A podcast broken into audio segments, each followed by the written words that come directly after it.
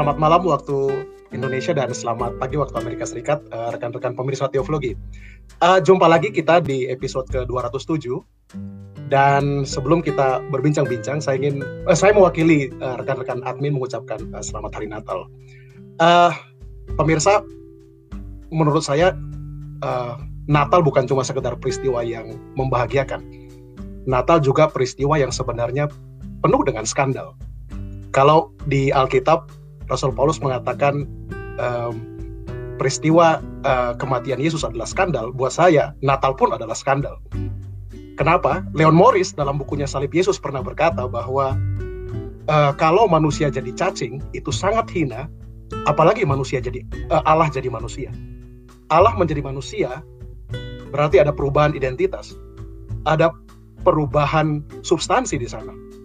Nah pertanyaannya adalah uh, buat buat saya bukan cuma itu.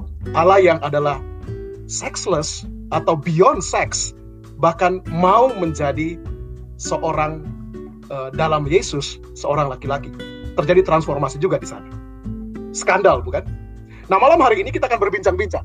Kita akan berbincang-bincang dalam dalam topik yang uh, menarik ini dalam suasana Natal dan saya mengundang uh, beberapa rekan-rekan admin yang sudah ada bersama-sama dengan saya. Monggo, teman-teman admin. Yang pertama uh, dari Manhattan, Nindyo Sasongko. Selamat Natal, Bung. Selamat Natal juga, Caper. Apa kabar nih? baik, baik, baik. Keren, keren. Dan Bung Yosia dari DC. Halo. Selamat Natal, Bung Yosia. Selamat Natal. Kok ada pohon Natal sih? Cuma buku-buku doang. ya, itu kan tergantung imajinasi aja. Oh, ada. Dan Bung Angga. Bung Angga dari BSD Tangerang. Halo, selamat, selamat Natal semua. Ya, dan tamu istimewa kita uh, pada malam hari ini, uh, Kak Dena Rahman. Selamat Halo. Natal, Kak Dena. Selamat Natal semua. Wah, keren. Kak Dena, kami sangat grateful, sangat bersyukur, berterima kasih Anda yang uh, sangat sibuk uh, mau meluangkan waktu untuk kami di Teoflogi. Terima kasih banyak, Kak Dena. Sama-sama, ini kan God's work yes. Puji Tuhan. yes. Oke, okay, Mbak Dena, tanpa kita berpanjang lebar, uh, saya sudah uh, dan, dan saya yakin pemirsa dan kita semua sudah, sudah mengerti uh, Mbak Dena uh, uh, di, di di di internet banyak sekali informasi tersedia. Saya pikir kita tidak perlu memperkenalkan the famous Mbak Dena ya. Uh, for sure Mbak Dena, for sure. Nah mungkin mungkin uh, saya karena saya uh, nonton beberapa uh, YouTube Anda di, di uh, dan juga wawancara terakhir dengan uh, Daniel uh, Manantai kalau nggak salah ya. Nah, ya, ya. Uh, uh, boleh nggak Mbak Dena cerita sedikit karena menurut saya pengalaman Mbak Dena menarik sekali begitu. Ada ada dua pengalaman yang kalau boleh saya pakai saya saya frame pengalaman trans begitu ya. Uh, uh, yang mungkin bisa bisa dianggap semacam pengalaman yang uh, menarik sekaligus kontroversial. Yang lagi-lagi seperti pembukaan saya, uh, Kak Dena, ya. Allah sendiri pun itu mengalami pengalaman itu, kan dalam dalam Yesus, dalam Natal yang kita peringati. Uh, anda uh, bergumul dengan gender dan juga dengan saya tidak suka dengan istilah agama. Gitu ya. Saya lebih suka dengan istilah transconviction atau trans faith, gitu ya. Karena uh, saya dengar pengalaman Kak Dena ini beyond religion. Gitu. Monggo Mbak Dena, bisa cerita sedikit nggak kepada kami uh, apa yang uh, uh, Anda alami dalam dalam dua peristiwa tersebut? Monggo. Ah, uh, apa ya? Mungkin kalau aku pribadi sebenarnya aku itu cuma mencoba menjalani hidup gitu loh. Jadi sebenarnya sih nggak pernah uh, kepikiran atau gimana gimana ya. Cuman um, jadi um, pastinya kita dalam hidup tuh belajar kan dan aku tuh juga belajar dan uh, waktu ibaratnya ya aku dengan pengalaman gender aku tuh adalah sebuah proses pembelajaran juga dan uh, semuanya itu proses dan tidak ada yang apa ya kayak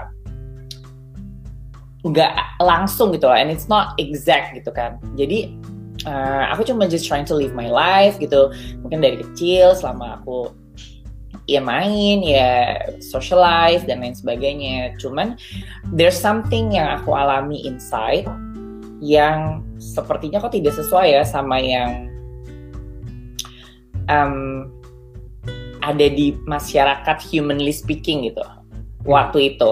Jadi mungkin ada pergumulan di situ akhirnya. Jadi ketika mungkin the norm itu bilangnya seperti apa, cuman tiba-tiba aku merasakan di dalam diri aku pengalaman yang berbeda gitu. Jadi uh, mulai bergumul di situ tanpa aku tanpa aku mengerti banget dan tanpa aku juga berbuat apa-apa karena it's uh, something yang foreign sih bagi aku juga waktu itu kan gitu. Aku nggak ngerti lah namanya juga ya nggak ada ngerti lah ya gitu. Kita aja sampai sekarang masih suka bingung kan. Tapi seiring berjalannya waktu um, belajar belajar tapi I think waktu itu aku banyak sekali bertanya. Bertanyanya ke bertanya ke apa pun ya gitu. Dan aku tuh emang dari dulu orangnya sangat sangat sangat uh, apa sih punya mindset yang science gitu kali ya. Jadi everything needs to be logical. Even for me like religion and spiritual stuff itu harus make sense. Tapi maksudnya gini? Harus make dia mem, me, uh, memake sense kan yang sebenarnya nggak make sense gitu. Ngerti gak sih?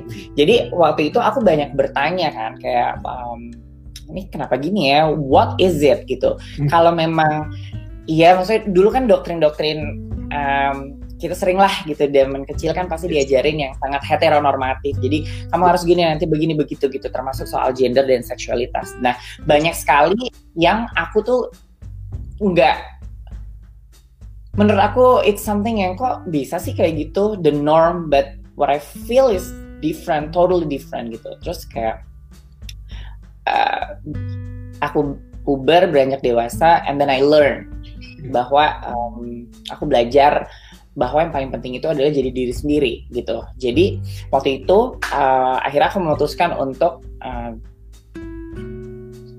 menjadi perempuan gitu kan. Ketika apa namanya uh, berbeda dengan um, jenis kelamin yang aku diassign waktu saat lahir gitu. Karena aku merasa bahwa um,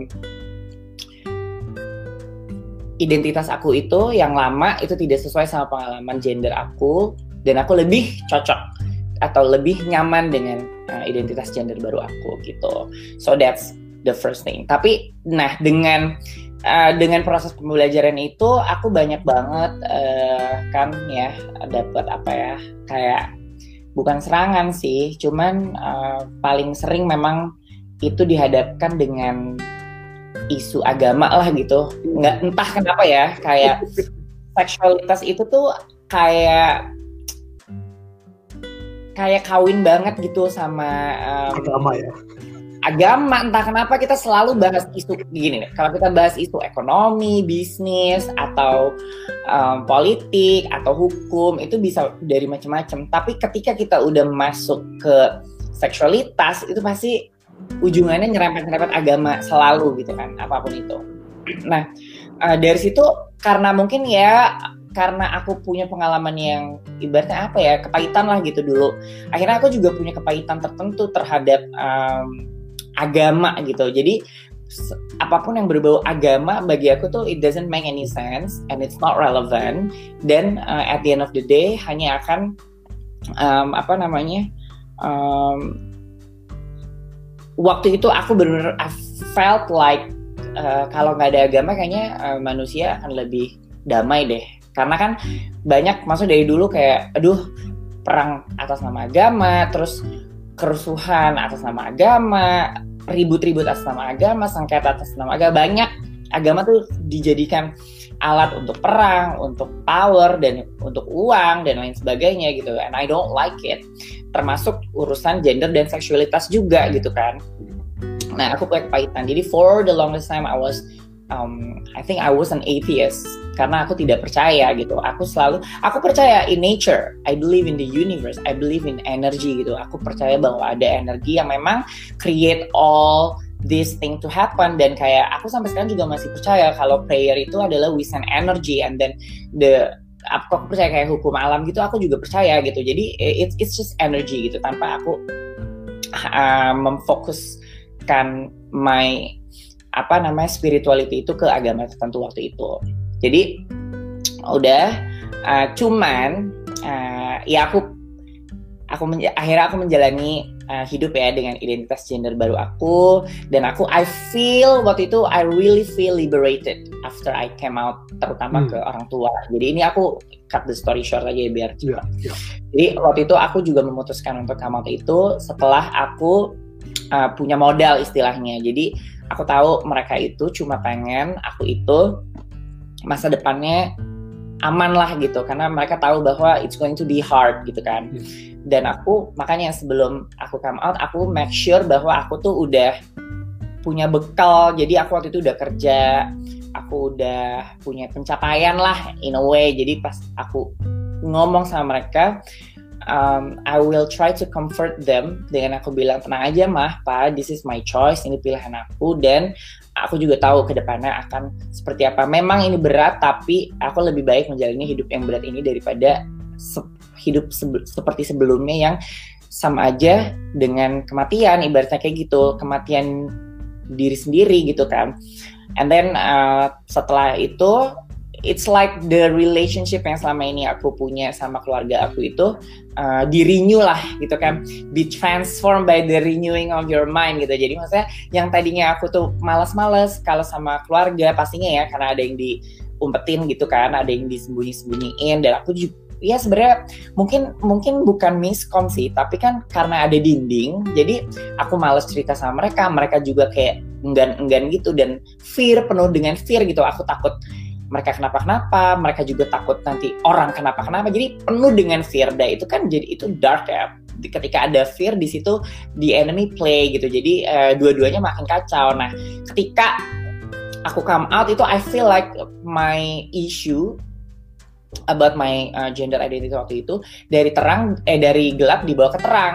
Sehingga ketika udah dibawa ke terang dinding-dinding yang penuh dengan fear itu akhirnya jadi runtuh gitu. Nah, akhirnya hasilnya adalah aku punya dinamika di keluarga aku yang lebih harmonis. Aku malah jadi bisa ngobrol sama mama papa dengan terbuka. Aku cerita aku takutnya apa, aku pengennya apa, mereka juga cerita concern mereka apa. Uh, jadi justru relationshipnya apa ya jadi semakin malah um, kuat gitu loh dan dari situ kita malah jadi dibawa ke terang terus kan. Jadi akhirnya oh ya yeah, gitu. Uh, fear itu hilang gitu. Jadi mereka jadi dari dua belah pihak. Dari aku hilang mereka juga hilang. Akhirnya kita jadi keluarga yang utuh. Even ketika aku ketemu sama keluarga my extended family gitu uh, mereka udah they support me. Dan uh, ternyata yang ketakutan selama ini kita aduh nanti orang bilang ini ternyata nggak terbukti gitu loh. Ternyata orang oh iya ya maksudnya kayak they try to understand and they did gitu they did at that time sampai sekarang gitu dan aku juga selalu me mencoba untuk um, membuktikan lah kalau aku tuh juga I can be a good person gitu regardless gitu ngerti gak sih jadi yes. uh, si identitas gender itu it's just an identity gitu apalagi sekarang Uh, Oke, okay. aku cerita lagi lanjut ya. Jadi after no, no problem, no problem.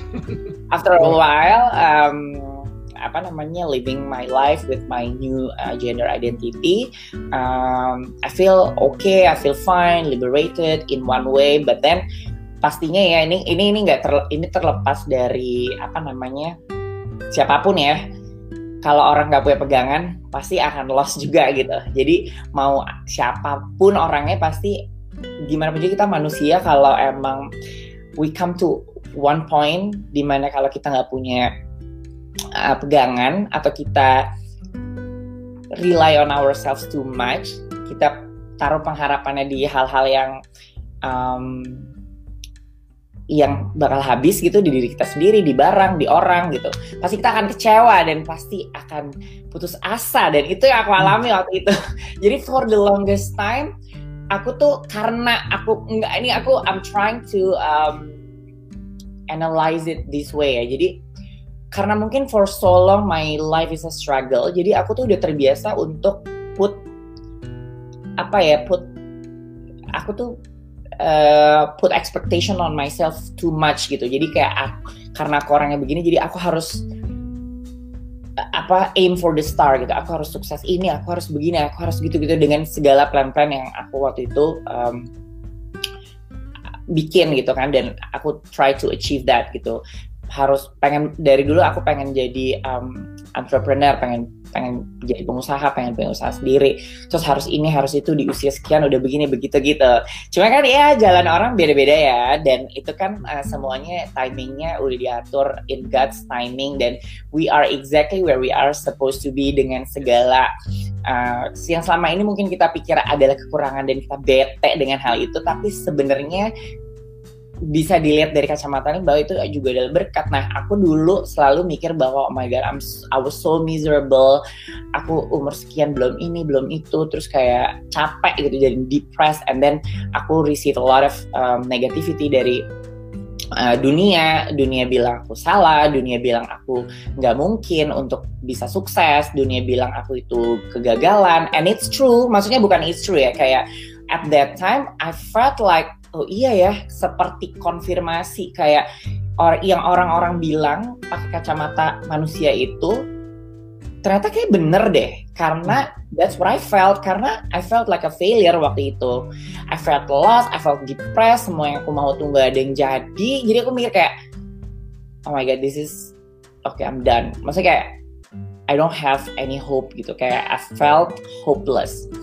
Nah nggak peng putus asa depresi iya. Dan aku mungkin waktu itu terlalu fokus sama dunia ya. Maksudnya kayak apa yang di, apa yang diomongin sama dunia apa yang uh, yang aku inginkan dan aku harapkan itu juga berbau duniawi. Maksudnya kesuksesan terus you know like fame glory to myself gitu ya. Jadi mungkin aku jadi ya gitulah ya jadi agak-agak stres gitu dan depres uh, akhirnya Eh, nggak uh, pengen bunuh diri juga banget udah lewat masanya. Cuman udah kayak ya tunggu aja deh gitu ya kayak hmm, tunggu tunggu tunggu tunggu waktunya aja deh dipanggil gitu kalau emang beneran ada hello gitu kan. Terus um, long story short um, kayaknya nih emang banyak banget juga sih sebenarnya sih kayak kalau dipikir-pikir lagi ya signnya bahwa aku di seperti dipanggil gitu. Jadi kan aku dulu waktu kecil tuh aku jadi artis cilik ibaratnya ya. Maksudnya seringlah tampil di TV nyanyi ada sinetronnya main sinetron terus presenter gitu-gitu kan. Cuman kan ketika aku transisi aku tahu lah di Indonesia ini nggak punya tempat gitu buat orang-orang seperti aku. Akhirnya uh, aku juga dan aku memang tidak pernah punya cita-cita yang khusus untuk pengen jadi uh, artis lagi gitu apa gimana? Enggak gitu. Jadi uh, oke okay, aku bener-bener pengen jadi pengusaha dan aku fokus waktu itu di pendidikan dan uh, mengejar cita-citaku itu menjadi pengusaha gitu kan.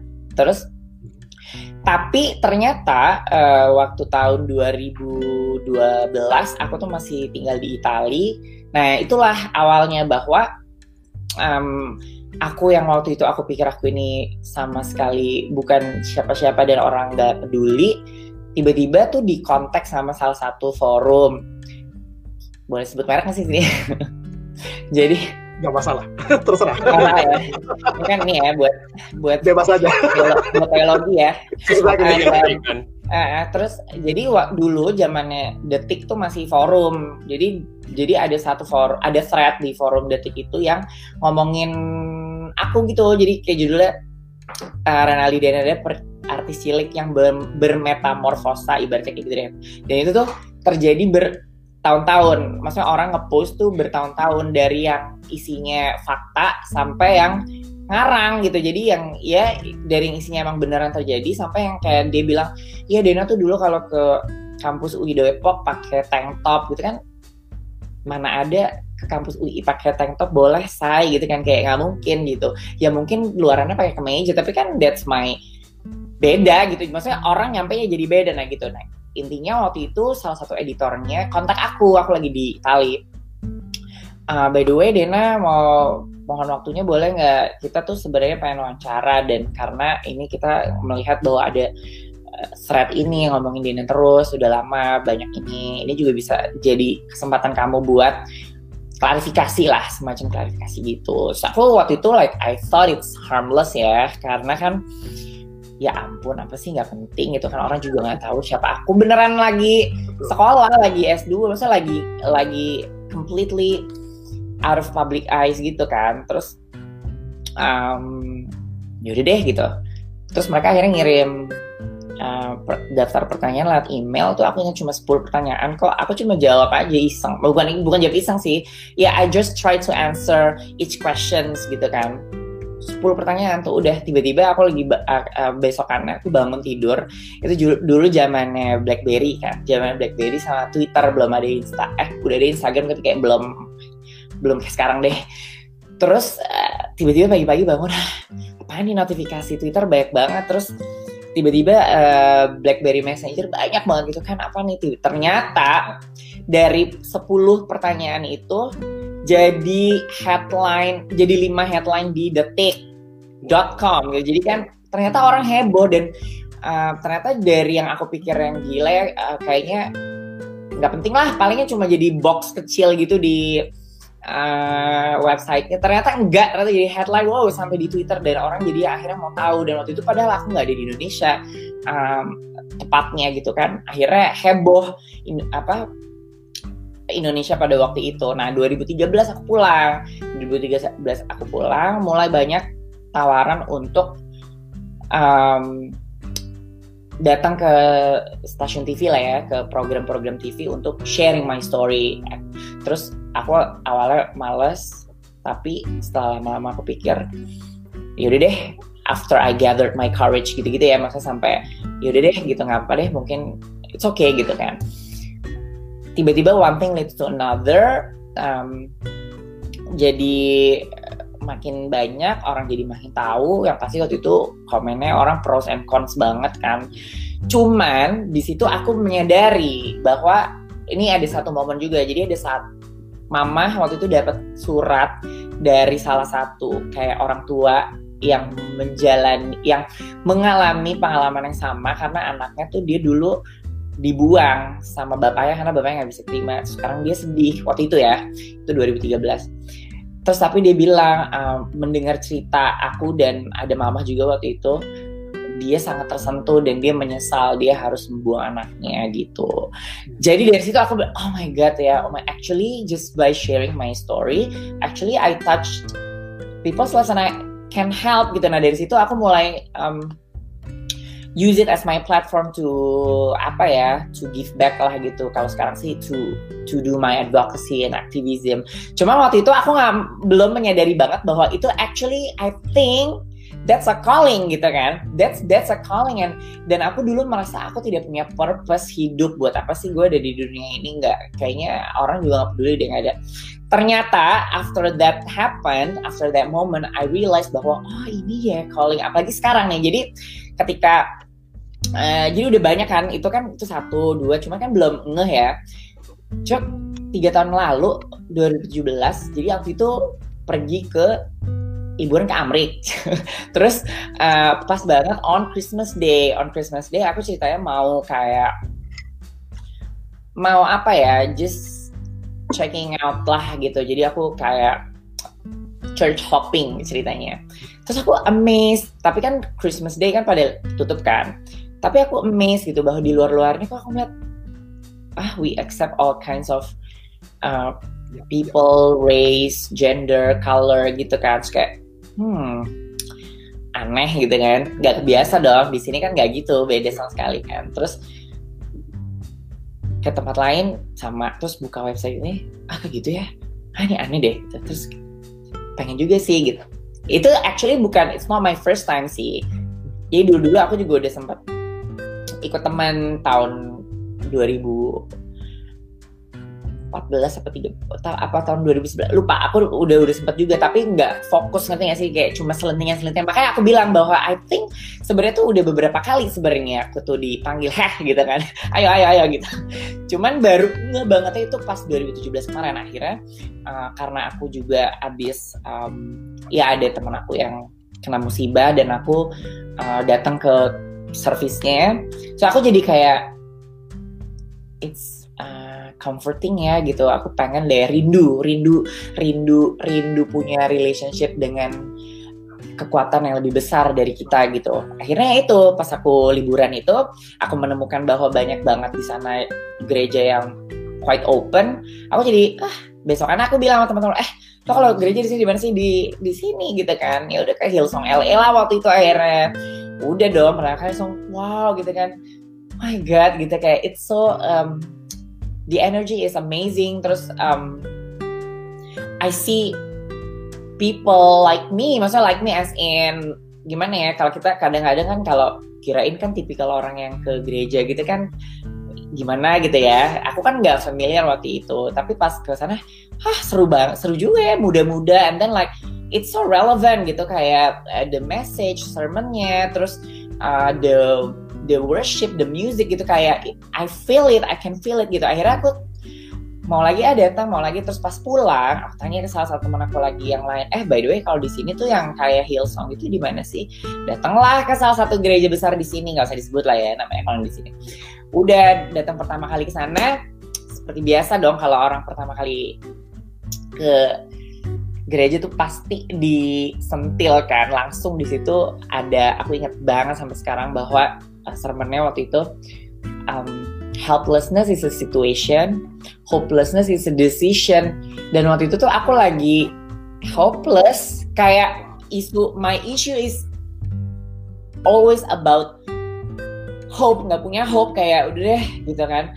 Nggak I felt hopeless waktu itu. Tapi dikasih sermon kayak gitu kayak oh shit ditampar sih nangis aku nangis. Jadi kayak oh my god gila ya ternyata walaupun kita itu helpless tapi kita bisa decide untuk still be hopeful gitu despite everything yang kita jalani gitu.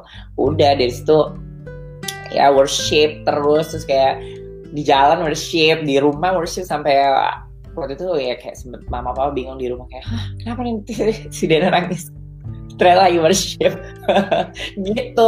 Ya udah one thing leads another. So aku dapat dari situ um, I found another community yang aku bisa komsel bareng. Terus I share my story. Terus mereka juga sangat open. Dan mereka juga, mereka juga apa ya termasuk orang yang mungkin suaranya selama ini tidak terwakilkan di Bible. Bisa dibilang kayak gitu. Tapi kita sama-sama pengen mencari Tuhan, ibaratnya spirituality-nya gitu. Jadi kita share the same thing lah, similar similar uh, life experience dan similar um, attitude towards um, spirituality dan juga punya kesamaan kita pengen punya relationship itu gitu akhirnya kita belajar sama-sama terus aku juga dapat gereja baru yang aku keep on coming back sekarang um, ya udah dari situ udah udah kebuka semua kebuka semua. Dan uh, waktu pas aku pindah ke gereja baru itu juga sama. Sermon pertamanya langsung ada kayak expectation is resentment waiting to happen. Nah, aku langsung wow gila selalu ya kenapa sih kayak di tampar-tampar mulu? Karena aku bener-bener punya masalah dengan hope dan ekspektasi. Jadi I realize bahwa selama ini tuh I put expectation on my life expectation on apa namanya kesuksesan materi expectation on my business expectation on other people for let's say friendship atau relationship atau even to my parents gitu. Aku pengen I expect them to be uh, in a certain way gitu. Tapi nggak bisa kan gitu. Jadi ujungannya ya resentment desa gitu. Jadi akhirnya udah deh uh, dari situ aku merasa bahwa oh my god gitu. Dan dengan uh, my platform yang tadi aku cerita yang udah yang udah aku uh, mulai dari pas I started to came out publicly gitu udah I, akhirnya like firmly I feel like this is my calling this is my purpose my purpose is to spread love gitu kan to spread the good news. And the good news is love gitu that God is love and he is here to save people. And and may and and i feel like he wants to use me to save his people yang uh, yang kerja sama aku gitu loh. Yang selama ini termarginalisasi yang selama ini dianggap minority yang selama ini dianggap salah. Cuman we're still his people. Jadi aku ya udah makin punya conviction sampai sekarang gitulah ceritanya kira-kira singkatnya Mbak Dena boleh nggak saya saya mau highlight sedikit ini bukan pujian yes, berlebihan Mbak Dena tadi ah. Mbak Dena bilang dua kali dengar khotbah yang sangat menyentuh, yang sangat luar biasa. Tapi saya yakin teman-teman Hmm. saya admin di sini dan pemirsa Teoflogi akan setuju bahwa sebenarnya mendengar kisah hidup Mbak Dena dan termasuk kalimat terakhir dari Mbak Dena tadi, God is love. Justru Mbak Dena Iya. sedang khotbah Natal paling powerful ini di tahun 2020. Masa sih? Aduh. Amin. Amin. Keren banget, keren banget. Walaupun gua pendeta ini kayaknya gua mau tanda tangan ini. Iya, gua mau tobat nih. No, that, that really, really is. Apa? That's really is. Thank you, thank you. Dina. Aku tuh jujur ya, nih jadi sekarang nih sebelum setiap sebelum kayak misalkan diundang ngomong atau gimana pun, pokoknya aku selalu berdoa Tuhan, um, please be with me. I'm sure you're always with me dan um, semua kata-kata yang aku ucapkan itu bukan kata-kata aku tapi adalah kata-katamu. Jadi gue takut salah gitu. Jadi itu selalu berdoa kayak gitu. Jadi whatever yang come out of my mouth is not from me, it's His words supposedly gitu. Itu doa aku sih. Jadi mudah-mudahan nyampe dan benar. Saya, saya mau tes satu hal lagi Mbak Dena, mungkin sebelum nanti eh, rekan-rekan admin yang lain mungkin mau eh, bertanya ya. Oh dan pemirsa jangan lupa Anda bisa memberikan pertanyaan atau komentar di di kolom komen di YouTube. Eh, Mbak Dena, saya saya lagi-lagi eh, amazed dan thank you so much untuk apa yang Anda sampaikan ini. Eh, buat saya hidup Anda tadi yang Anda sampaikan biasa-biasa saja ya Kak Dena. No no, it's wow wow, it's it's so powerful, it's so powerful. Eh, eh, trajektori perjalanan Anda itu eh, dahsyat dan luar biasa begitu. Dan justru saya melihat bagaimana Tuhan dan Allah hadir di sana. Nah, pertanyaan saya Mbak Dena untuk mungkin mengelaborasi lebih jauh. Eh, menurut Kak Dena sendiri setelah sebelumnya sangat apa ya, kalau boleh saya istilahkan eh, practically atheist gitu ya. Jadi lebih Ya. ateis praktis begitu ya. Siapa Allah menurut Mbak Dena sekarang? Siapa Allah dan dan bagaimana Mbak Dena atau Kak Dena merelasikan antara Allah yang Anda pahami dengan identitas eh, gender Anda saat ini. Kalau aku sekarang ya, jadi setelah kan aku sering disuruh tobat. Cuman kan dari dulu orang-orang nyuruh tobatnya berdasarkan pengertian mereka juga ya tobat. Cuman kan kalau kita Wow, baca-baca exactly. lagi, tobat itu kan be transformed by the renewing of your mind gitu. Jadi aku tobat, tapi tobatnya yang tadinya aku pakai kacamata dunia nih, aku stres melihat ini nggak mungkin nih. Humanly speaking, it's not possible. Humanly speaking, ini harusnya begini. Humanly speaking, ini salah, itu salah. Ini jelek, itu jelek, itu buruk. Cuman aku bertobat, akhirnya aku pakai tuh kacamatanya Tuhan, langsung ganti perspektif dong. And for me, menurut aku ya, Tuhan itu kan limitless gitu. And everything is possible with God. Itu aja ada di Bible. Jadi ketika kita udah pakai kacamatanya dia, oh iya ya, semuanya tuh mungkin sih kalau emang udah jadi kehendaknya gitu. Dan um, apa namanya? Dan dia bisa turn yang tadinya dianggap sama manusia itu salah atau yang termarginalkan atau yang posisinya ada di bawah, dia bisa balik itu jadi baik jadi baik buat purpose-nya dia gitu. Jadi kalau bagi aku pribadi, I don't like to limit my God. Karena karena it's I believe masih sampai sekarang ya itu tetap adalah Tuhan itu energi, energi yang energi kasih yang dahsyat yang eh, apa ya ultimate gitu loh, the power, the source of life gitu. Jadi it's hard to explain tapi cuma bisa dijelaskan lewat pengalaman gitu. That's why kalau aku pribadi, kalau orang yang bilang kenal Tuhan itu pasti harusnya punya relationship itu dan fokus on the relationship. Makanya karena kita karena sama Tuhan itu uh, pusatnya itu adalah relationship, dia juga mau kita punya relationship yang baik sama semua anak-anaknya, sama our parents, sama our family, sama our friends, sama our uh, apa uh, siapa pun termasuk sama our enemy gitu sama our neighbor gitu. Siapa sih? Sama semuanya ciptaan dia gitu. Jadi uh, yang selama ini mungkin orang sering-sering apa ya sering kayak "Eh, ini nggak boleh itu nggak boleh. Itu kan you actually limit your God gitu. Kayak ini kan salah gitu. Ya lo siapa? Saya gitu. Orang if we balik lagi ke kisah Natal coba zaman itu. Kalau misalkan dipikir pakai kacamata manusia. Udah pasti penuh dengan skandal kan? Dan udah pasti orang-orang penuh dengan um,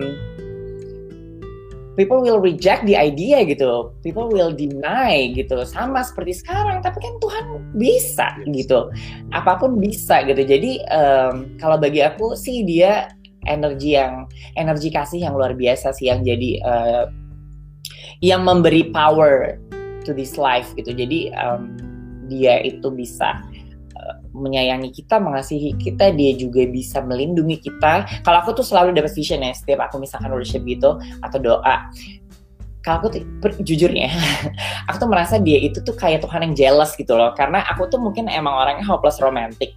Jadi dia ke aku tuh juga seolah-olah kayak romantis gitu. Misalkan aku juga kayak lagi distract nih, my mind distracted gitu karena ada misalkan adalah gitu misalnya bikin distract pasti dia tuh kayak jealous jadi kayak dipanggil lagi heh nggak boleh itu nggak penting gitu kayak gitu. Jadi dan aku tuh selalu punya vision ya aku misalkan lagi jatuh atau lagi nggak bisa bangun atau nggak bisa jalan tapi dia dari belakang meluk terus mangku aku gitu dan dia yang kayak gitu. Jadi kayak I feel like he's so romantic with me dan I feel like dia tuh selalu melindungi aku dan kalau dipikir-pikir itu bener banget gitu Nah, aku kan ini ada satu cerita lagi ya. Jadi kan waktu aku 2018 itu that's when I decided to focus on my activism. Uh, khususnya di isu gender dan seksualitas. Tapi kan waktu itu aku takut ya, maksudnya bukan takut ya, gimana pun juga kita manusia, hidupnya di dunia yang penuh dengan manusia dong. Jadi kan tetap aja gitu, hmm, benar nggak sih nih? gitu. Aku sampai doa gitu Tuhan ini kalau emang jalannya emang kalau if this is from you apa namanya ya udah I will do so. Tapi kalau bukan nggak apa-apa Tuhan tutup aja pintunya tutup gitu kan. Karena I believe kalau misalkan yang kalau dari dia harus kalau dia udah bilang yes nggak ada yang bisa bilang no kan jadi aku tuh tapi aku bilang Tuhan ini beneran deh kalau saya bukan dari kamu nih Tuhan udah nggak apa-apa ditutup aja. Karena aku juga takut ya maksudnya kayak ragu sih kayak ini benar nggak sih gue uh, apa namanya suruh-suruh bahas-bahas isu gender dan seksualitas tersalah lagi gitu kan. Uh berdoa berkali-kali. Tapi yang terjadi adalah aku keterima langsung si program summer course-nya itu di Leiden University buat sexual orientation and gender identity in international law. Terus pas keterima um, abis itu tiba-tiba aduh Tuhan udah deh kalau misalnya emang nanti ini ribet finansial apa segala macem.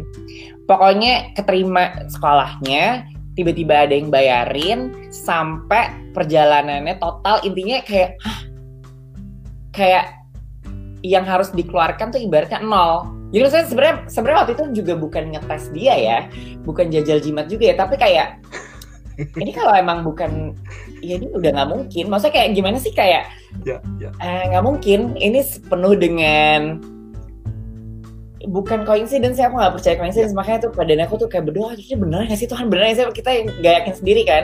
Cuman ternyata pas ditunjukin kayak gitu ya udah ini udah pasti campur tangan dia dan he wants me to do it. Oke okay, aku akhirnya yes I'm, I'm, I'm doing it. Gitu. Jadi dia menyayangi dia mengasihi dia melindungi dia memberi jalan dia juga jadi he's in control but he's not controlling tetap kita yang Wow. Tetap kita yang kita kan manusia punya free will emang tetap punya, cuman he is in control, he's not controlling. Terserah kita mau ngapain, cuman kita dikasih belajar karena kita tuh kayak orang dewasa. Nah menurut aku orang-orang yang terlalu fokus sama the law itu orang yang masih spiritual maturity-nya masih kayak anak kecil. Jadi kan kayak di ayo kamu kalau misalkan nggak makan nanti kamu ini kalau kamu makan kamu dikasih ini kalau kamu pintar dikasih ini gitu kan. Tapi kalau kita yang udah kenal sama dia yang yang Tuhan yang baik yang yang limitless itu kayak spiritual maturity-nya udah semakin dewasa yang lu udah tahu sendiri tanggung jawab lo ya. Kalau lo kayak gini pasti kayak gini. Tapi ya udah gitu. Dibebasin cuman you know the consequences gitu. Jadi I feel like dia tuh ya Immanuel aja sih he's with us gitu apa pun yang kita jalani gitu. Jadi sorry sorry mbak Dena. Mbak Dena gak tertarik belajar teologi. Mbak, apa, apa, Mbak. Dena, that, that will be daunting karena uh, Kak Dena ini lebih daripada teolog daripada bukan, makanya. Maksud saya maksud saya begini maksud saya begini Kak Dena. Apa yang Kak wow apa yang Kak Dena sampaikan? Saya semester ini nggak Dina ambil satu mata kuliah uh, historical theology dan tentang orthodox theology dan ada satu poin sebenarnya dari ortodoks teologi yang sangat penting, yang sering kali orang Kristen dan teolog tidak sadari, itu soal incomprehensibility of God. Hmm. Atau atau soal uh, yang tadi Kadira bilang limitless. Allah itu limitless. Allah itu hmm. mysterious. Dan dan Anda, yeah. Kadena, itu bukan cuma ngomong, tapi Anda menghidupi itu. Go ahead, silakan. Tambahkan lagi kalau ada yang mau ditambahkan. Ya, jadi ya gitu. Jadi I feel like uh, Nah, jadi lupa nih ngomong. Oh, sorry, jadi, jadi um, iya sih, aku merasa bahwa dia itu kita tuh jadi cuma uh, dengan adanya Tuhan yang limitless tadi itu hidup kita itu akan in his rest. Itu kan yang sebenarnya kalau bagi aku ya, to be honest nih, sekarang kalau misalkan lagi ulang tahun atau apa, doanya udah deh dulu kan pengen ini, pengen itu, mungkin kayak masih pengen bareng-bareng atau apa sekarang nggak. Tuhan just want to be in your rest karena itu nggak bisa dibeli pakai apa-apa. Maksudnya aku bisa beli kita beli bisa beli tas, beli baju, beli rumah, beli mobil, tapi kalau our mind is not at rest gitu bisa stres kan, tetap di press gitu. Gue juga nggak mau. Jadi sekarang yang for me the most important thing when I have him with me is in his rest gitu dan dan knowing that in his rest he's already taking care of everything. Jadi kayak aku tuh kayak selalu merasa kadang-kadang aku I feel aku tuh selalu worry worry worry all the time. Worry ini worry itu. Cuma sekarang aku aku tahu waktu itu waktu aku kemarin ulang tahun aku juga sempat dapat vision lagi. Masa kayak lagi worship nangis dan segala macam tiba-tiba Dena udah deh stop. Jadi aku memang aku sering aku perfeksionis ya. Jadi kayak control freak juga gitu kan. Pokoknya harus certain thing um, in a certain way gitu. Tapi jadi aku jadinya worry. Cuman tiba-tiba dia kayak bilang Dina udah deh stop gitu. Stop worrying. I already take care of everything. Terus bener jadi besokannya yang aku mau ya waktu itu sih ece-ece sih menurut aku ya. Karena aku pengen ulang tahunnya tuh begini begitu rame. Tapi kan waktu itu masih lumayan pandemi juga jadi apalah segala macam. Besokannya ternyata semuanya terjadi walaupun memang tidak sesuai sama apa yang aku bayangkan di awal ya. Tapi yang aku mau basically itu semuanya dikasih. Jadi kayak ngapain ya selama ini gue worry gitu. Jadi nggak usah lah. Jadi dari situ aku udah kayak gila nangis deh kayak aduh percuma deh worry worry gitu. Jadi memang yang paling berharga buat aku pribadi adalah ketika in his rest Uh, kita bener-bener put everything to him. Jadi kayak ya udah bo apa udah di udah di take care ibaratnya kayak gitu. Jadi tapi itu yang paling itu itu bagi aku pribadi ya. Maksudnya um, that's itu aku nih ngomong cuma berdasarkan pengalaman hidup aku aja sih. Sama aku sekarang lumayan kayak baca Bible tiap hari gitu. Maksudnya I just learn through that gitu sama ya aku bilang tadi komsel gitu, gitu. Jadi, aku juga mungkin masih punya pengalaman yang dan pemahaman yang juga belum pastinya belum banyak. Cuman aku senang ngegali like I think life is so beautiful dan apalagi kalau kita punya Tuhan yang mengguide kita we can see that oh ya yeah, despite all the chaos ada something yang meaningful dan beautiful gitu kayak gitu sih wow the mystery of God leads us to uh, stay in His rest. Wow, keren keren banget Mbak Dena. Thank yeah. you. Teman-teman, teman-teman, yeah. uh, admin, ada pertanyaan untuk Kak Dena nggak? Monggo. Bung Angga mau bertanya terlebih dahulu. Bung Angga mau bertanya.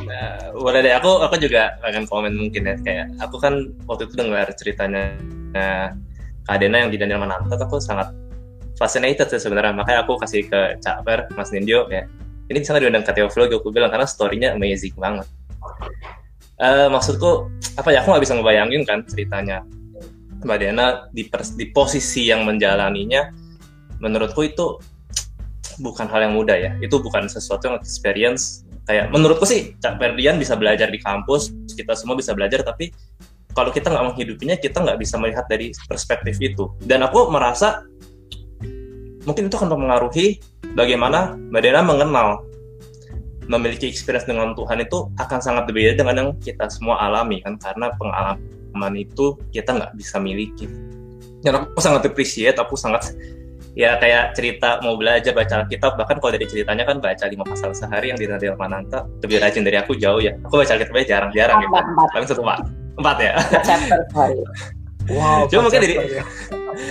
aku aku punya banyak pertanyaan sih uh, cuma aku mungkin singkat aja uh, gini aku sangat appreciate dan aku sih tipe ya aku sendiri secara personal nggak ada masalah tapi aku tahu banyak orang di luaran yang aku harap nggak ofensif ya cuma banyak pertanyaan seperti ini ketika Mbak Dena begitu menjunjung tinggi experience, pengalaman, tetapi banyak loh. Pasti mungkin pernah dengar ya statement-statement loh. Uh, tapi itu kan ada yang bilang salah.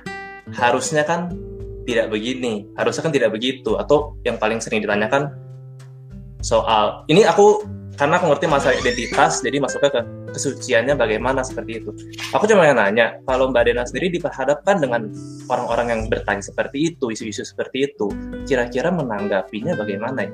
Kalau dari pribadi Mbak Dena gitu. Per, per, pertanyaan yang kayak gimana tuh jadi maksudnya? Ya, kamu kan hanya mengandalkan pengalamanmu, kamu merasakan, cuman kan ada orang yang menurut ya kayak itu mungkin terkesan melimitasi ya. Harusnya kan secara tradisional itu salah. Itu kan nggak boleh itu oh, okay. oh. by the way aku mau meluruskan dulu ya. Bukan aku ambisi loh. Aku tuh baca empat chapter sehari karena tuh apalagi kalau Old Testament aku tuh suka banget sejarah. Jadi jadi kalau udah baca satu uh, terus gitu. Jadi kayak baca novel sih to be honest. Jadi aku senang. Keren, keren. nah uh, apa namanya uh, menjawab tadi kalau aku namanya juga I think we as humans kita tuh nggak pernah ada yang tahu sih. Masa aku juga kalau ditanya we never know to be exact gitu kan dia maunya apa yang benar tuh apa sih kata dia tuh gimana sih gitu sebenarnya Cuman kalau aku ditanya kayak gitu, aku baik lagi. Uh, I think uh, fokusnya itu ke relationship karena ketika ditanya misalkan ini benar atau salah, I don't know. I ask him personally gitu. Langsung ya komunikasi dengan Tuhan kan ad adalah uh, prayer ya gitu. Jadi aku selalu balik lagi ke dia kayak yang tadi aku bilang aku pas ketika mau uh, sekolah lagi itu tentang gender and sexualitas aku awalnya nggak yakin bukan nggak yakin kayak karena kan ya itu orang-orang banyak salah apa segala macam. Tapi at the end of the day aku balik lagi. Aku balik lagi nanya sama dia dan itu yang paling penting. Kalau iya pun nggak apa-apa gitu. Kalau sampai sekarang pun misalkan ada orang yang bilang salah atau misalnya aku baca di Bible katanya begitu apa segala macam ya aku serahin aja sama dia. Jadi kayak aku doa Tuhan ya udah deh um, like I surrender. Atur aja. I don't know mana yang benar mana yang salah but at least I pray that you will speak to me in a way that I can easily understand that. Jadi aku tahu bahwa it's coming from you dan ya udah gitu. Jadi selalu aku try to refer to the relationship gitu. Jadi ya kalau emang kita punya relationship yang kuat, ya kayak kita sama temen deh, kayak sama sahabat atau sama orang tua kita kalau kita dekat kan pasti kalau ada apa-apa ya tinggal nanya aja saya gitu. Kalau aku sih gitu sih karena nggak ada yang tahu. Maksudnya kalau kita nggak bisa bilang benar atau salah itu kan kacamata kita ya. Gimana pun juga. Jadi kalau mau tahu pendapat dia ya kalau aku always refer back to ask God himself gitu. Jadi I don't have the answer tapi I can say that aku selalu refer gitu. Jadi I don't know. Sampai sekarang juga kayak misalkan ada teman aku yang married same sex marriage gitu. Like I always balik lagi apakah juga itu fruitful dan apakah itu create fear atau create peace gitu. Jadi kalau kalau bagi aku kalau kalau kalau whatever it is itu buahnya fear, chaos, hatred, negativity itu udah pasti nggak dari dia. Cuman kalau whatever it is tapi buahnya itu peace, love, terus ada joy, terus kindness itu pasti dari dia sih. Kalau aku sih balik lagi ke situ. Powerful. Uh, Kak Dena dan juga bung teman-teman semua, ini ada komen yang sangat menarik dari Profesor Yuwas Adi Prastia nih. Beliau mengatakan kalau Dena mau apply ke theological seminary, any theological school, I think, uh, divinity school juga bisa. Beliau berkenan memberikan rekomendasi dan pasti sangat-sangat strong ini. That would be wow. his honor. Wow. Dena, aku, aku you got a voice here. Aku tuh aku bener emang suka belajar makanya maksudnya dari zaman aku yang tadi aku cerita ya zaman aku juga belum um, yang waktu tadi aku bilang aku banyak bertanya-tanya, aku masih in the dark, aku suka belajar. Sampai sekarang aku suka belajar. Jadi aku selalu bertanya-bertanya, cari tahu, cari tahu, cari tahu. Kalau ada yang nggak make sense, bahkan aku tuh juga bergumul sama diri sendiri nih nggak mungkin sih gitu.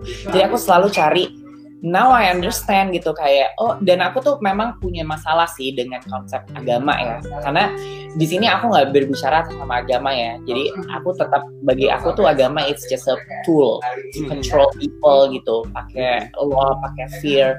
But I'm talking about spiritual gitu. Jadi uh, and spirit I think banyak orang yang ngomongnya religious atau agamais gitu kan tapi mereka fokusnya tuh ke hal-hal yang ritual jadinya tuh lupa sama uh, esensinya gitu lupa sama relationship nah kalau aku pribadi yang aku rasakan dari dulu walaupun aku ateis aku tuh orangnya spiritual gitu. Jadi aku percaya energi aku percaya bahwa there's something greater. Jadi nah ketika sekarang aku bisa makanya aku belajar. Dan kemarin sebenarnya waktu pas zaman zaman pandemi awal itu aku um, agak Eh, nggak uh, punya ini kan nggak punya apa namanya nggak punya kerjaan. Terus abis itu uh, sempet ikutan ini sekolah apa online course-nya Harvard yang mhm. tentang Christianity and the Scriptures deh gitu. Jadi kayak emang wow. emang senang belajar gitu.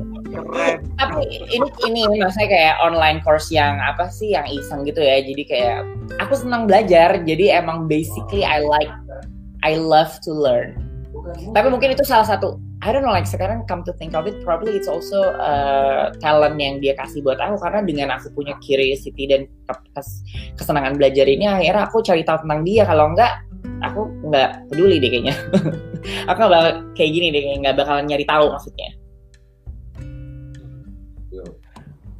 Ini sangat menarik sekali. Nah, uh, Kak Dina tadi dikatakan bahwa Kak Dina itu orangnya lebih rational, uh, segala sesuatu harus dipikir dan harus make sense. Nah, pertanyaan saya sebenarnya pertanyaan saya du dua sih.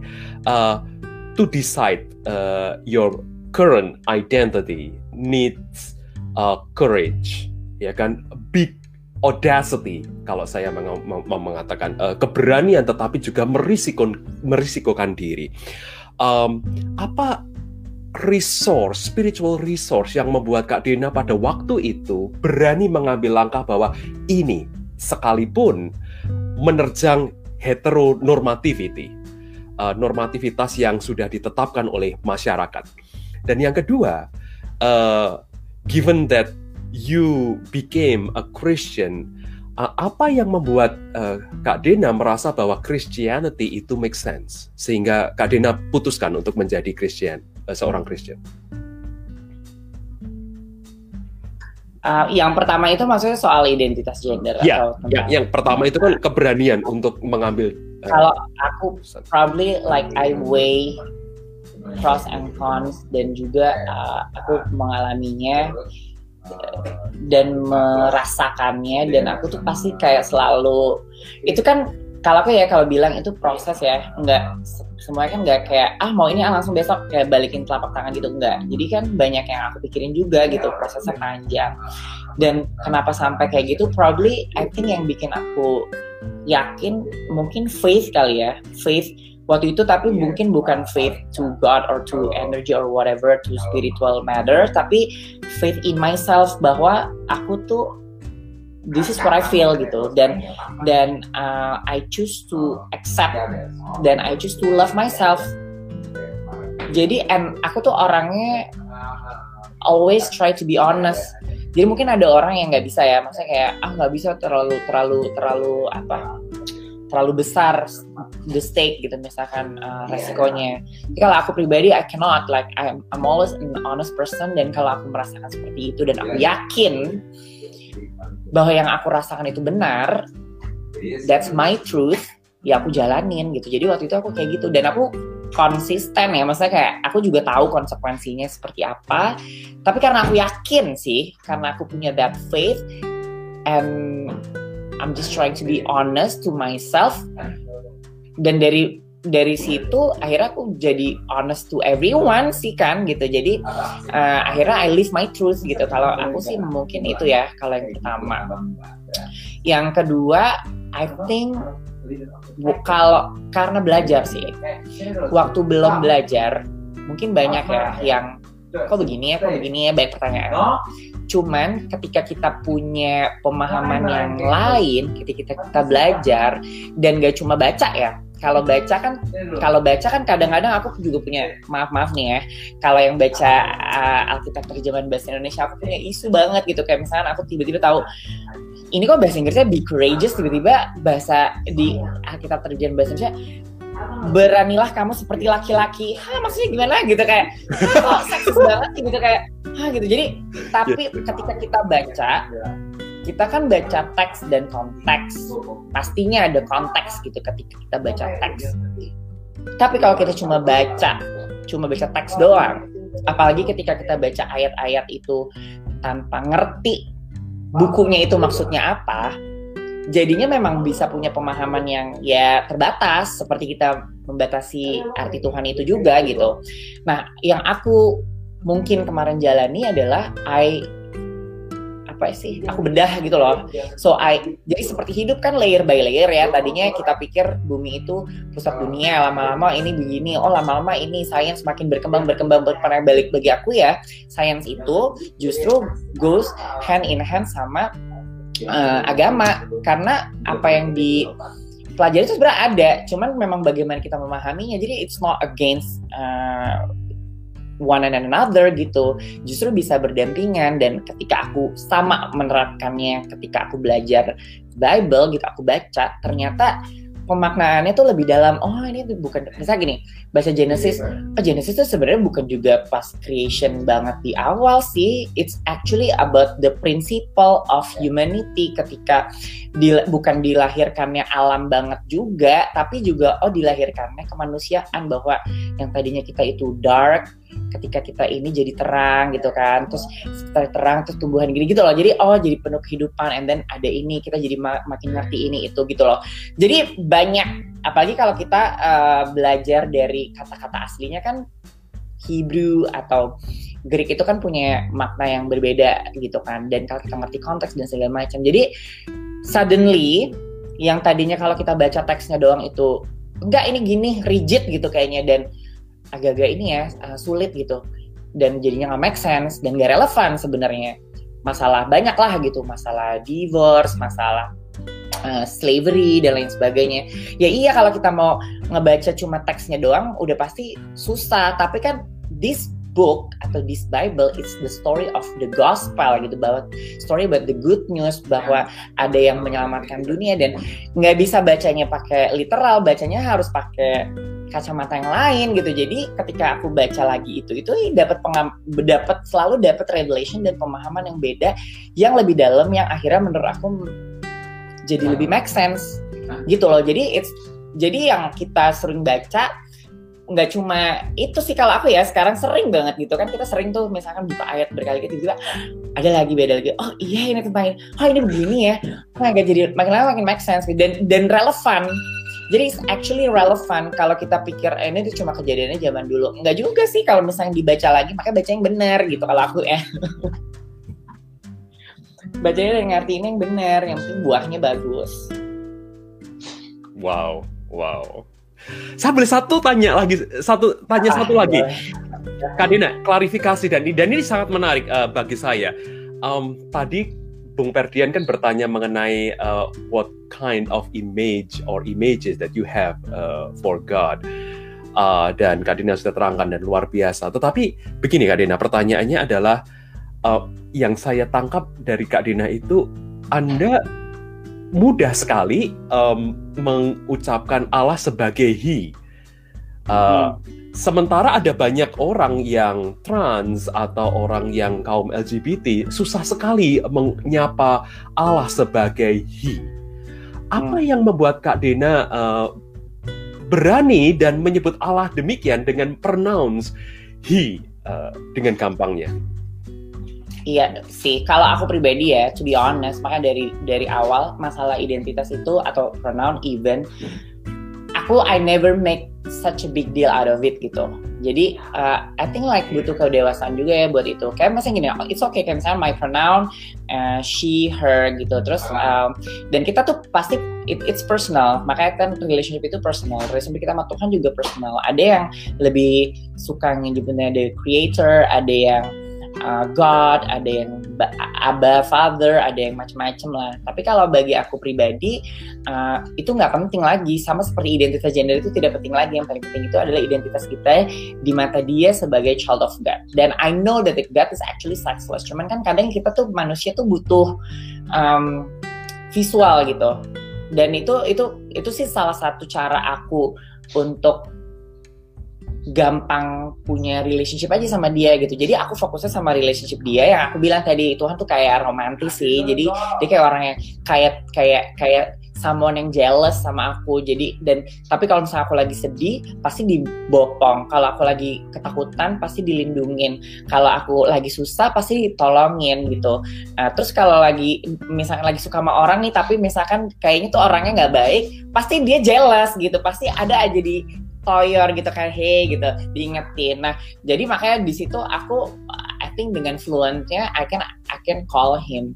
He atau tapi again ya it's it's our personal like it's I think kalau mau nyebut it atau even she it's fine gitu. Kayak kalau bagi aku pribadi ya aku nggak pernah take offense atau even kayak ada orang yang bilang ih ini kan gini, gini. ya udah lah ya itu kan Tuhan gue gitu ya. Kalau lo mau punya panggilan sayang sendiri sama Tuhan lo ya silahkan. Itu kan personal relationship kita masing-masing so it fine. Jadi I think dengan uh, kedewasaan spiritualitas kita uh, bagi aku sih hal itu nggak masalah ya nggak penting sih. Kayak it's just you know like yeah. trivial.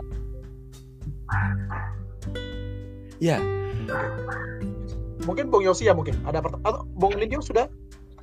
Ada lagi? Saya punya komen yang yang banyak sekali, tetapi ya. ya Yosi dulu, Yosi dulu kali, Yosi dulu. Mau ke Yosi? Silakan, silakan. Mas Lindio dulu aja. Dia lagi on fire.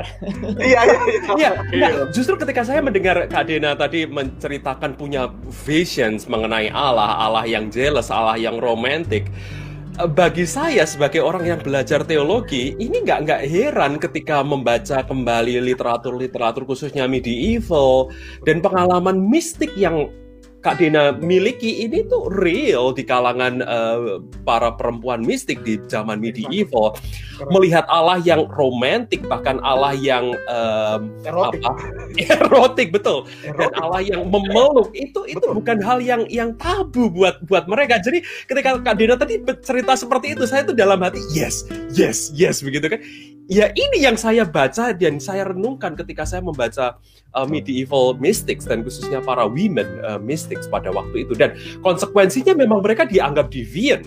Mereka dianggap nyeleneh mereka dianggap menyimpang mereka dianggap berbahaya di dalam uh, uh, iman mereka. Tetapi well you are a modern mystic, uh, uh, Kak Dena, dan so thank you, Kak Ferdinand. Satu lagi, Bung, Bung Nindyo, uh, Kak Dena, saya juga sampaikan satu lagi. Sebenarnya, uh, thank you Bung Nindyo, ini meng-highlight satu hal penting dalam teologi uh, medieval ya. Uh, sehingga saya juga lukisan-lukisan Yesus disalib di zaman medieval itu sebelumnya itu kan uh, sangat betul-betul telanjang tanpa ditutup-tutupi. Tapi kemudian karena ada objektifikasi kepada seksualitas, uh, kemudian ditutupi kan dengan kain begitu tatkala sebelumnya itu gambaran-gambaran Yesus termasuk pada saat uh, uh, Yesus diturunkan dari salib dan kemudian Maria bersama Yesus itu termasuk kelaminnya ter, tertampang di situ terpampang begitu. Karena itu bagian dari humane Yesus begitu bahwa ya inilah Allah yang yang yang hadir menjadi manusia bahwa seks itu bagian dari Allah. Dan dan uh, Allah itu ya ya bagian dari kita begitu. Jadi thank you Bung Nindyo. Betul Anda meng-highlight hal yang penting yang yang yang, yang Kak Dena sampaikan sebenarnya bahwa uh, Allah itu ya seperti itu begitu. Jadi thank you, thank you. Luar biasa, luar biasa. Ada lagi mungkin Bung Nindi atau Yosia mungkin? Uh, mau nggak Bung Yosia? Yang saya juga boleh saya. Ya, ya, ya, Saya satu lagi ya. Iya, iya, ya. Go ahead, go ahead. Yang saya juga uh, appreciate dari Kak Dena yaitu uh, uh, tadi cerita dari yang self-centered kepingin sesuatu untuk diri sendiri ekspektasi tertentu dan uh, agak katakanlah freak out dengan masa depan, tetapi kemudian bisa berubah ke panggilan tadi bahwa uh, Kak Dena dipanggil juga untuk melayani orang-orang yang uh, termarginalisasi, mereka yang secara gender itu uh, dipinggirkan oleh masa, oleh masyarakat pada zaman ini di sekitar kita, dan itu luar biasa. Dan saya juga menyimak beberapa podcast dan beberapa video di YouTube di Baby ya, berani bicara, dan itu bebas sebuah bicara. bebas bicara, bebas bicara.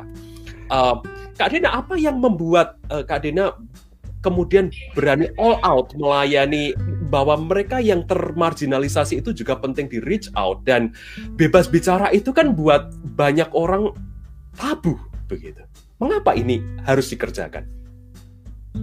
Ya itu dia justru kalau aku pribadi ya, uh, I would like to be the voice of the voiceless gitu kan. Dan kalau kita ini waktu aku conference nih si waktu di Sydney waktu ke Hillsong aku ikutan kayak ada satu apa ya kayak seminar kecil lagi gitu. Itu aku baru realize oh iya ya, prophet itu zaman dulu itu seperti sekarang itu aktivis atau advokat gitu. Karena kan zaman dulu itu kan uh, ada raja, ada prophet, yang selalu uh, ngasih nasihat dan ngasih his vision gitu kan profes uh, profesinya dia gitu untuk ngasih tahu ke rajanya.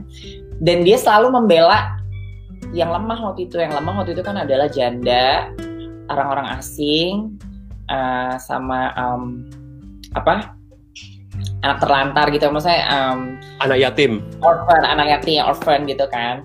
Uh, dan itu melambangkan uh, the minority. Dan kita bisa lihat dari situ bahwa sebenarnya uh, gimana pun juga Bible itu ditulis pastinya waktu itu oleh budaya patriarki ya gimana pun juga ya. Jadi uh, gimana pun juga itu bud budaya itu hasil manusia. Memang it's inspired by divine um, apa namanya uh, source gitu.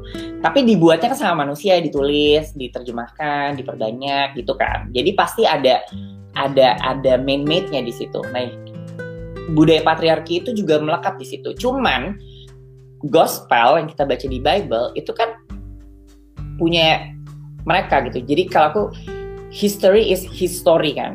Jadi itu itu adalah uh, berdasarkan history atau yang waktu um, cerita yang diangkat dari kacamata budaya yang waktu itu dominan. Tapi kan pasti waktu itu juga gospel diartikan sama orang-orang yang lemah ini gitu, yang minoritas ini yang nggak pernah diangkat dan ditulis dimasukkan ke buku itu yang kita akhirnya sampai sekarang nggak baca pengertian itu dan pemahaman itu. Nah, with this thing yang aku lagi create, um, I just want to give voice gitu bahwa ini juga anak Tuhan yang eksistensinya nyata, diciptakan Tuhan pastinya, siapa lagi nyiptain mereka, dan uh, harus punya suara gitu. Jadi ya simple sih, karena I just uh, I think aku selalu fokus sih the greatest commandment is to love your God and love one another. Jadi udah basically itu doang, cuma just try to love uh, one another. Wonderful. Thank you, Kak Dena. Begitulah. Ya, Bung ya, silahkan. Yang mau ditanya, uh,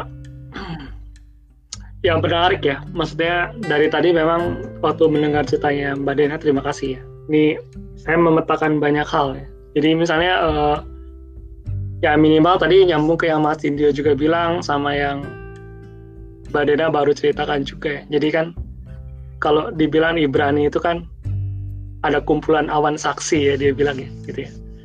Nah kan narasi yang Mbak ini kan menarik ya dalam narasi publik ya kan. Narasinya tidak sesuai dengan yang dianggap normal kan. Nah misalnya yang yang saya baru-baru ini tahu ya, saya kebetulan sebelum ini juga nonton narasinya di YouTube itu namanya Paula Williams ya. Dia pastor di Amerika white misalnya akhirnya dia berubah kelamin jadi transgender begitu. Dan dia misalnya dalam satu kisahnya itu di dia bukan Christianity Today tapi Christian Today ya rasanya. Nggak ada nitinya itu. Nah dia bilang yang yang punya problem masalah ini ya masalah identitas ini katanya kalau direpresi usia 13 tahun itu ternyata Hmm. punya kecenderungan bunuh diri lebih besar begitu. Nah kaitan antara yang Mbak Denda ceritakan baru kan masa advokasi begitu ya. Dan saya pikir masalah narasi publik ini juga jadi penting. Karena kan berarti kalau memang ada yang punya problem sama misalnya kan nah dia menarasikan dirinya di mana gitu kan. Kalau memang kita bilang kekristenan ini sebagai kumpulan awan saksi tadi kan ya itu jadinya menarik ya bagi saya. Jadi itu pemetaan yang pertama yang saya pikir tadi menarik sekali. Terus yang kedua yang saya pikir juga ya Hmm. betul ya beyond normalcy tadi ya.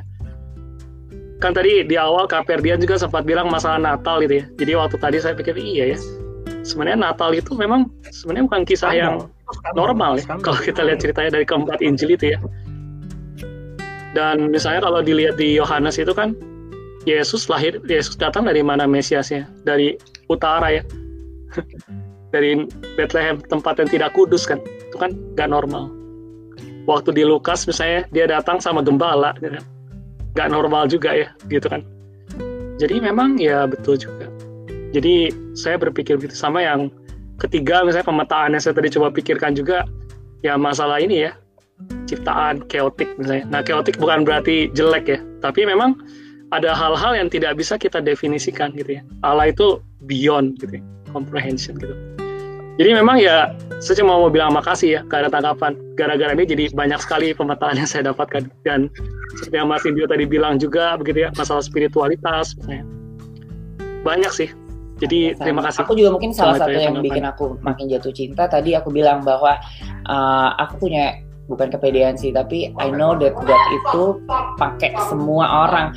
Nggak cuma Jesus loh ceritanya yang beyond normal sih. Dari mulai awal sampai dari mulai Lot gitu aku baru tahu ceritanya kayak oh my god like oh terus dari uh, J- bahkan kayak mereka tuh nggak David gitu, dengan ceritanya semuanya rehab gitu. Mereka pasti punya they're human. Mereka punya sisi dagingnya ibaratnya gitu. Tapi God never stop to use people dan regardless ya jadi nggak pokoknya nggak cuma mulia tapi yang dilihat dari David kan adalah kenapa dia favor karena hatinya buat Tuhan gitu. Tapi dia tetap melakukan kesalahan gitu. Semua melakukan kesalahan ya di situ ya. Kalau kita dilihat dari kacamata dia semua berdosa. Cuman baik lagi kalau Tuhan mau Tuhan bisa pakai ibaratnya. Dan akan jadi baik. Dan akhirnya menye- me- melahirkan juru selamat gitu kan. Dan tadi aku juga mau nambahin lagi kayak banyak konsep lah gitu. Misalnya kita kan kayak tahu ya tapi kan Tuhan cuma nyitain perempuan dan wanita apa segala macam eh perempuan dan laki-laki apa segala macam tapi kalau maksudnya kalau aku pribadi ya aku ya aku baca lagi gitu misalnya kayak eh, nggak semua juga dibahas di situ. Tapi kan yang pasti kutub binary itu ada memang dan kita kan masing-masing juga punya femininitas dan maskulinitas. And then when we see ap- apalagi ada juga di Bible spirit is genderless gitu. Jadi eh, kalau mau digali lagi lebih lanjut gitu kayak banyak dan kita kan memang spektrum manusia gitu. Memang kita both have masculinity and femininity and it's there. Itu konsep memang ada dan kita kan dibuat in the image of him. And the image of him itu kan dua-duanya in the image of God sorry in the in the image of God itu kan garis dua-duanya gitu jadi dia dia sexual dia genderless gitu jadi kita tuh punya dua-duanya kalau kita mau lihat dari situ ya dan tapi kan dan kita tuh juga punya dua hormon yang ada cuma beda spektrum dan menghasilkan orang yang beda kan nggak di, Betul. dijelasin juga Sama. bahwa Betul. Maksudnya gini binatang-binatang aja kan nggak dijelasin bahwa ada ini ada tapi kan bukan juga tapi kan semua ciptaan Tuhan. Nah sama kan maksudnya perempuan dan uh, Betul. laki-laki tapi kan ada yang laki-laki yang kulit besar eh tulang besar ada yang rambutnya keriting ada yang perempuan uh, berbetu tubuh uh, sedikit lebih ada yang kurus ada yang kecil ada yang tinggi ada yang kulit kuning ada yang hitam. Kan nggak ditulis juga semuanya di situ ibaratnya. Tapi kan bukan berarti mereka bukan ciptaan Tuhan ibaratnya kayak gitu. Jadi uh, I feel like when we have uh, penilai pemahaman yang um, lebih luas lagi dan kita mau untuk belajar lebih dalam lagi soal hal-hal yang seperti itu dan kita mau terbuka, kita akan bisa justru lebih appreciate apa yang dia udah buat di dunia ini gitu dan kita akan mungkin bisa punya relationship yang lebih kuat lagi sama dia dan akan lebih being grateful bahwa um, dia tuh menciptakan hal-hal baik dan kita harus continue to spread that hal-hal baik gitu. Ya makanya narasinya jadi menarik dan penting kan. Ternyata di antara semua narasi ini kan gitu. Aku iseng, iseng aja komen dikit tadi pas uh, Mbak Dena ngomong soal kita diciptakan melalui gambar dan rupa Allah itu kan Trinity God ya, bukan biner sebenarnya. Iya. Wow. Iseng Yeah, aja. Yeah, Ya, emang. exactly. I, I have a comment. Uh, ketika Kak Dena bilang uh, bahwa Allah itu genderless, Allah itu sexless, itu menarik sekali dan saya jadi teringat apa yang disampaikan oleh Profesor Yowas Adi Prastia beberapa hari yang lalu. Ini oh, beliau masih ada di sini juga. Bahwa Kristus itu sendiri walaupun identitas Yesus itu seorang laki-laki dan cisgender, tetapi ketika kita bicara mengenai Kristus yang menebus, pertanyaannya adalah sekarang how come a male Christ uh, redeem women begitu kan? Pertanyaan itu juga menjadi pertanyaan yang valid. Dan dengan demikian apakah kita juga tidak perlu memikirkan ulang bahwa di dalam Kristus itu ada laki-laki dan perempuan sehingga Kristus juga embracing both? Dan karena itu uh, Kristus juga menyelamatkan uh, uh, keduanya. Nah itu yang yang menjadi perenungan saya ketika Kak Dena tadi uh, menyampaikan ini komen teman-teman Tapi bukannya Kristus memang digambarkannya sebagai hikmat juga yang feminim ya. Hmm. Jadi kan dua-duanya memang Exactly. ada ya. Exactly. Ya, termasuk di Yohanes kan. Iya. Kan Exactly. rasanya lebih feminim sekali kalau Hmm. gambaran Yohanes ya. Ya, ya, ya. Mungkin mungkin saya mau uh, komen atau bertanya uh, atau apalah namanya yang lebih praktis uh, teman-teman dan, dan Mbak Dena ya. Uh, dalam pengalaman saya Mbak Dena uh, dan juga apa yang saya dengar begitu ya, sering kali itu uh, pandangan-pandangan yang cenderung uh, negatif begitu ya. Itu karena mungkin uh, sebagian kelompok konservatif ini belum berjumpa Mbak Dena. Bel- belum mengalami encounter. Uh, saya, saya ingat sekali waktu saya masih uh, dulu di di Indonesia begitu ya eh, satu waktu di tempat saya bekerja eh, kebetulan saya kerja di satu universitas Kristen begitu dan satu waktu persekutuan mahasiswanya itu pengen mengundang eh, teman-teman transpuan eh, Mbak Dena. Dan menarik waktu itu. Nah dan juga di suasana Natal seperti ini. Eh, dan waktu itu eh, yang yang yang tapi yang paling struck saya waktu itu adalah eh, komen mereka waktu itu yang dan mereka Kristen sebenarnya. Jadi eh, seingat saya mereka bilang begini, "Eh, teman-teman, saya cuma eh, kami cuma kaget karena waktu kami datang ke sini, yang kami lihat ini kampus Kristen begitu ya, dan kami juga Kristen, dan kami berharap bahwa kami lebih di embrace begitu ya, tapi ternyata waktu kami masuk dari gerbang sampai ke ruangan ini yang kami lihat itu mata-mata yang penuh curiga begitu, mata-mata yang penuh eh, apa ya, semacam ya prejudice dan penghakiman dan sebagainya. Dan mereka juga, juga bahkan Mbak Dena cerita bagaimana mereka jarang sekali merayakan Natal karena setiap mereka mau datang ke gereja itu em, tidak ada yang atau mungkin mereka juga tidak nyaman begitu ya dengan tatapan-tatapan seperti itu.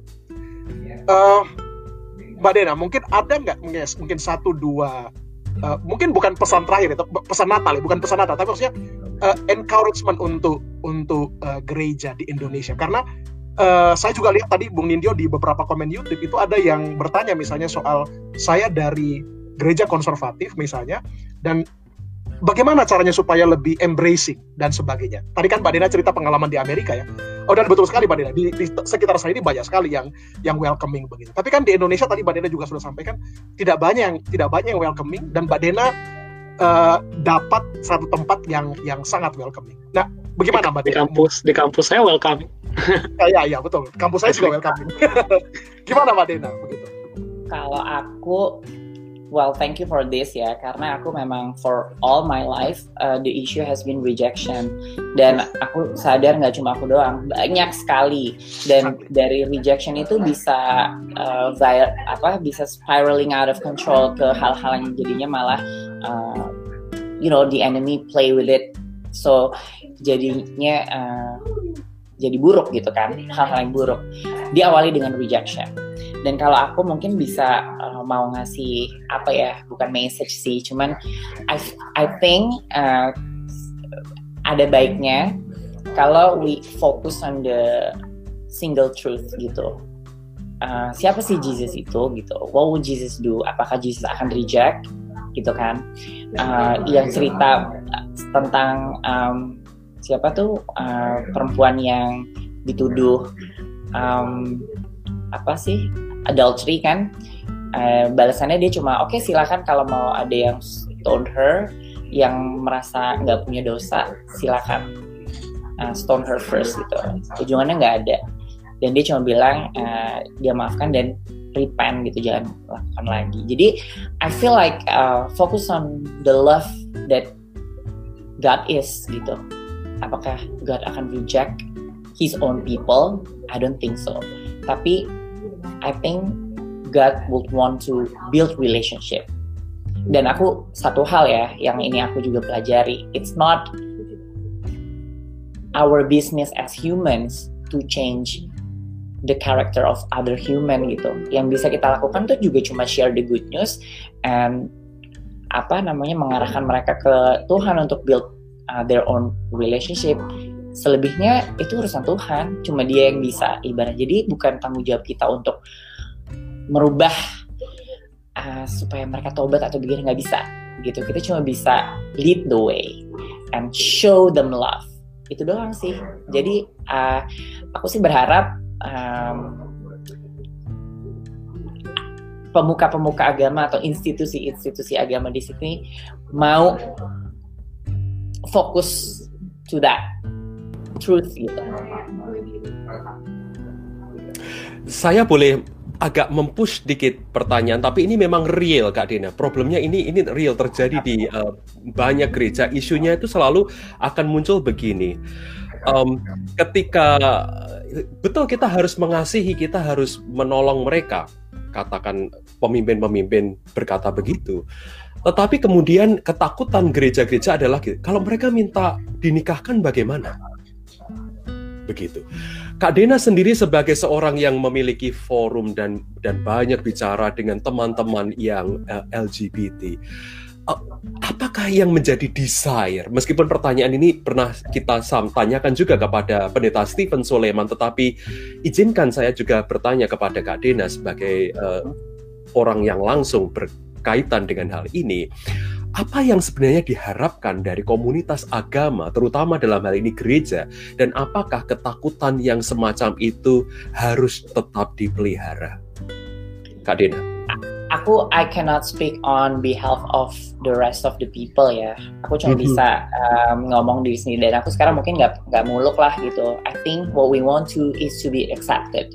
Kita cuma pengen diterima and we just yes. want to be equal gitu. Kita cuma pengen uh, nyaman juga apalagi ketika kita ibaratnya kita lagi punya masalah dan kita pengen ngadu sama Tuhan kita justru mereka merangkul kita bukan masalah bukan jadi malah merijek kita dan akhirnya kita jadi salah jadi victim gitu. Nggak pernah sih maksudnya kayak gini uh, I think kalau urusan marriage itu it's another issue ya gitu. Jadi I I don't know it's based on the law cuman balik lagi ya kalau I think marriage itu institusi juga. Institusi itu uh, dasarnya adalah law. Jadi kalau memang mungkin itu harus ngikutin hukum dari sebuah negara I think hukum itu harus diikuti.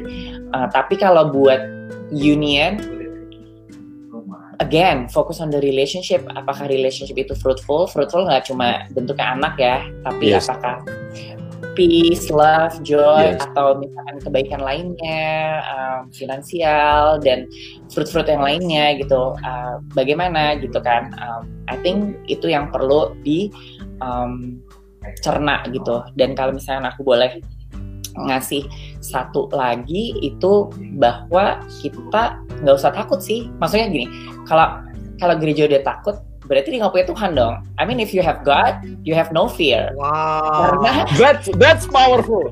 Karena uh, wow. Karena with God you have no fear. Like fear is the opposite of love gitu. Yes. Jadi it's supposed to be the place of love. Wow. nggak ada fear gitu aku pribadi sekarang nggak punya fear jadi maksudnya kayak oke okay, kalian suka ada fear tapi please deh Tuhan lo nggak kecil deh he'll take care of everything jadi ya udah gitu.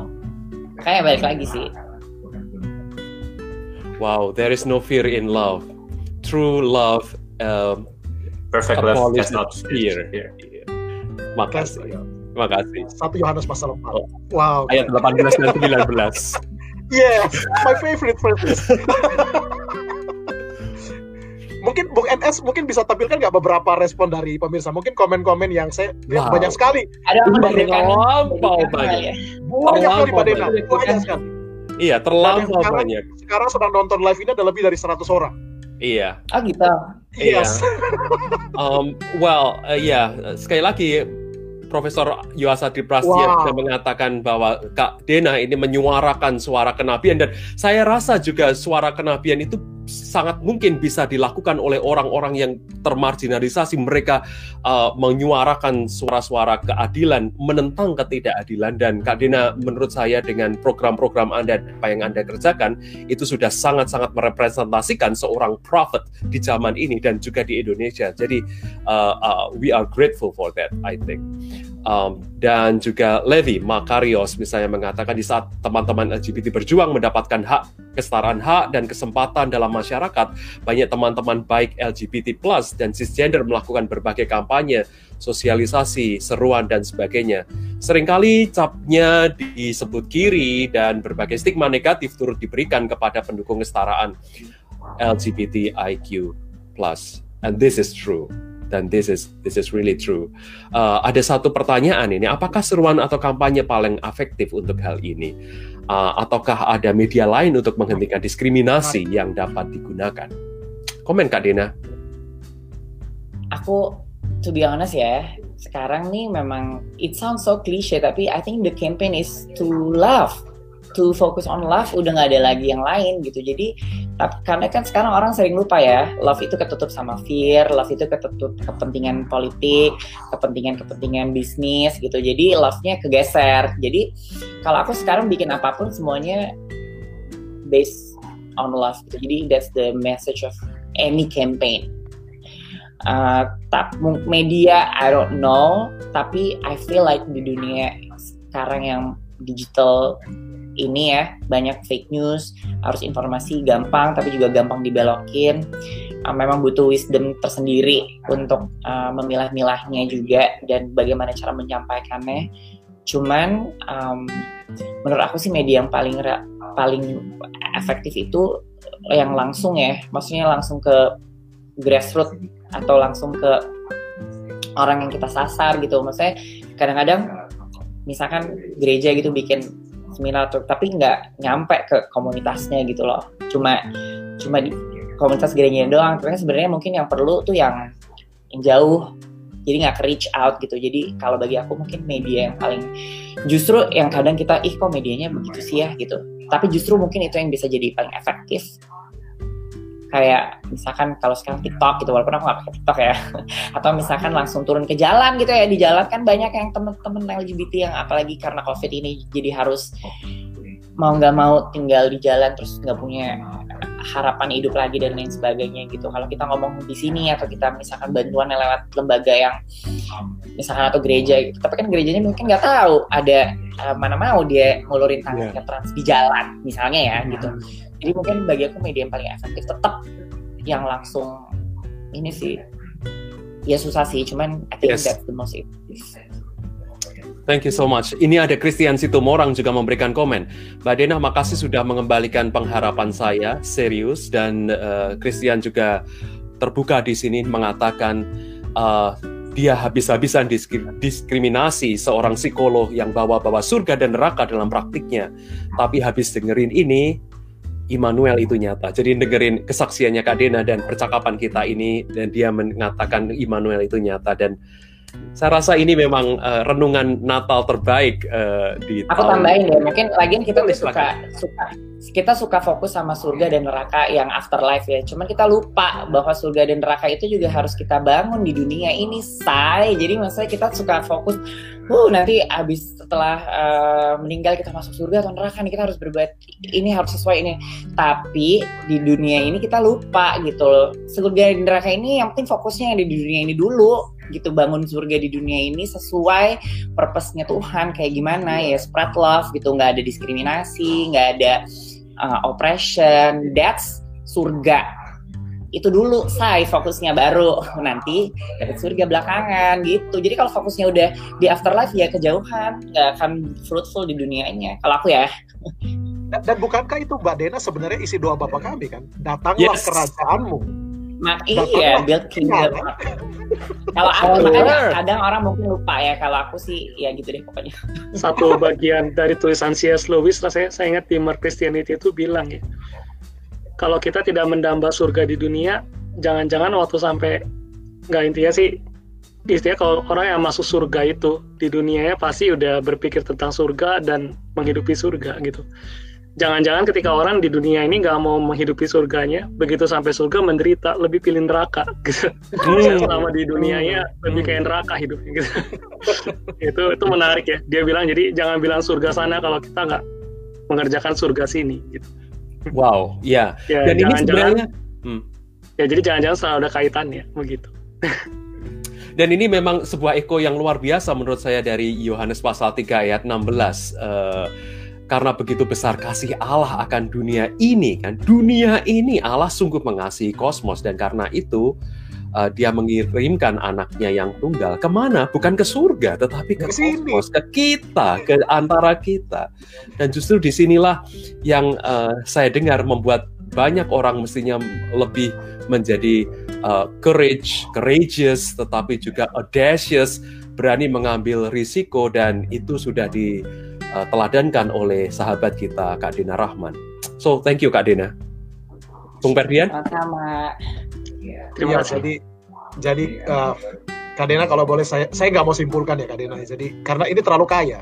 Saya takut kalau saya simpulkan nanti malah jadi malah bias nanti. Intinya adalah malam hari ini uh, teman-teman dan pemirsa teologi uh, saya merasa secara pribadi walaupun saya sekarang sedang studi S3 teologi Kak Dena, saya malah uh, sangat belajar banyak dari dari Anda dan menurut saya Anda Anda Anda justru beyond theologian. Saya setuju sama Bung Nindyo. You are beyond theologian. Uh, dan terima kasih untuk mengajar kami malam ini, Kak Dina. Terima kasih untuk kuliahnya.